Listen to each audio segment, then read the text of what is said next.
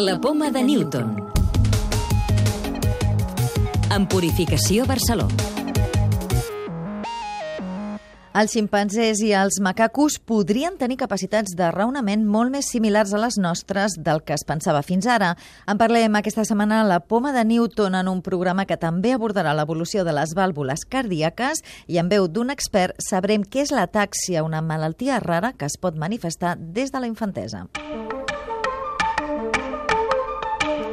La regió frontal del nostre cervell, la que determina el raonament, és molt més similar a la dels ximpanzés del que podríem pensar. Això és el que apunta un estudi internacional en participació de l'Institut de Biologia Evolutiva, l'IBE, i que per primera vegada ha estudiat les característiques genètiques de 16 regions del cervell d'humans i d'altres primats. Ens ho ha explicat Tomàs Marquès, director de l'IBE. La novetat d'aquest estudi és que per primera vegada hem agafat 16 regions diferents del cervell en diverses mostres mostres d'humans, ximpanzés i macac i hem mirat individualitzadament per regions quines regions canviaven més per un cantó i l'altre els gens que contribuïen més a les diferències que sí que hem vist entre els cervells d'humans i de ximpanzé.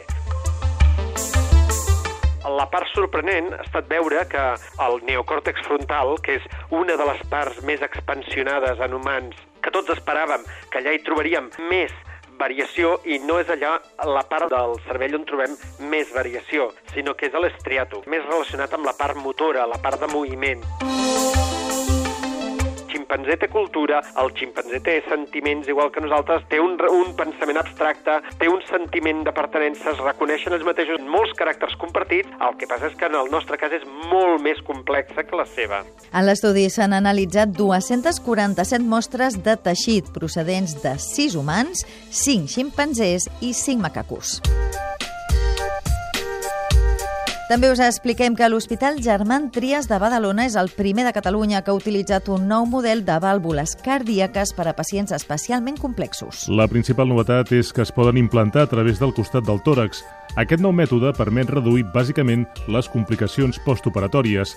Cristian Muñoz, cap del Servei de Cirurgia de l'Hospital Germans Trias, ens detalla algun dels avantatges. Está diseñada específicamente para poder ponerse sin que haya que acelerar mucho el corazón lo que hace que los pacientes se mantengan más estables durante toda la intervención y además son unas válvulas que su diseño implica que la necesidad de marcapasos en el posoperatorio sea inferior a las válvulas que se han estado utilizando hasta este momento. Investigadors de l'Observatori Austral Europeu, l'ESO, han trobat el primer forat negre detectat gràcies a la seva força gravitatòria. El descobriment ha estat possible arran de l'observació d'una estrella en cúmul globular, és a dir, una esfera d'estrelles que es van formar en els inicis de l'univers.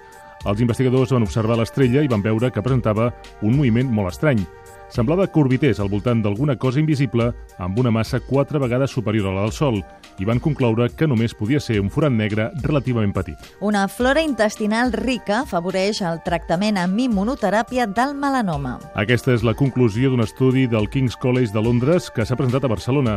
L'assaig també demostra que durant el tractament amb immunoteràpia estan desaconsellats els antibiòtics que destrueixen la flora, però també els probiòtics perquè modifiquen la seva varietat i també riquesa. La clau de volta. Què és l'atàxia? Carles Casasnoves, neuròleg de l'Hospital de Bellvitge. L'atàxia realment no és una malaltia. L'atàxia és un símptoma que ve condicionat, ve donat per una disfunció d'una zona molt concreta de, de cervell, que se diu cervel, i que el que fa és que els pacients puguin tenir un problema per coordinar moviments. Per exemple, caminar. Recordeu que ja podeu descarregar-vos el podcast de la Poma de Newton o subscriure-us al programa per rebre'l directament als vostres dispositius.